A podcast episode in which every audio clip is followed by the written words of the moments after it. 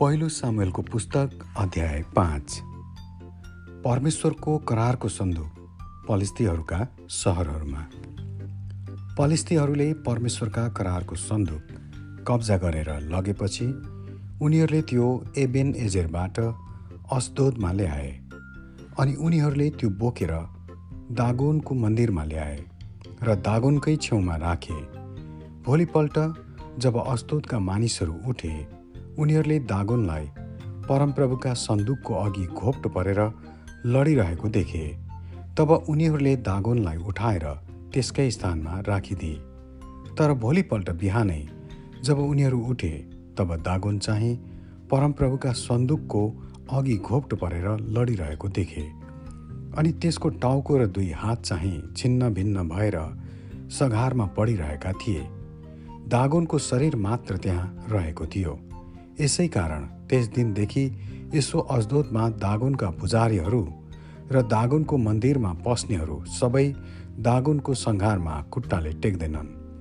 तब परमप्रभुका हातको प्रकोप अजदोदका र त्यसको वरिपरि बस्ने मानिसहरूमाथि पर्यो। उहाँले उनीहरूलाई दिनसम्म दुःख दिनुभयो र गिर्खाको रुटीले सताउनुभयो अनि उनीहरूको इलाकामा हुल्का हुल मुसाहरू निस्के। उनीहरूका सहरहरूभित्र नै मृत्यु र विनाश छायो।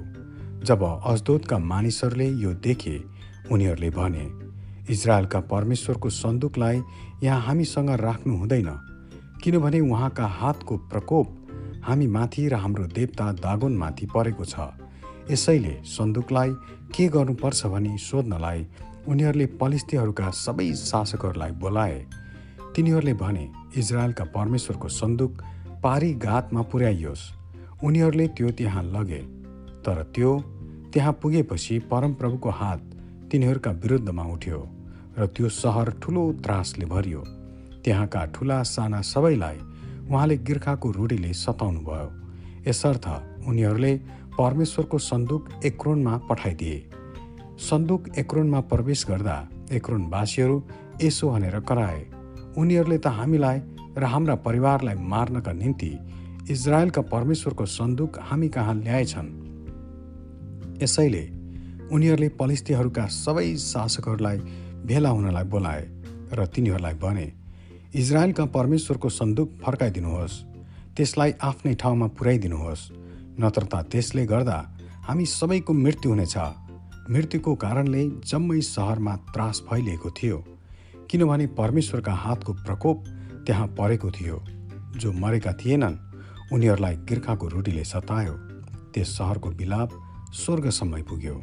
आमेन।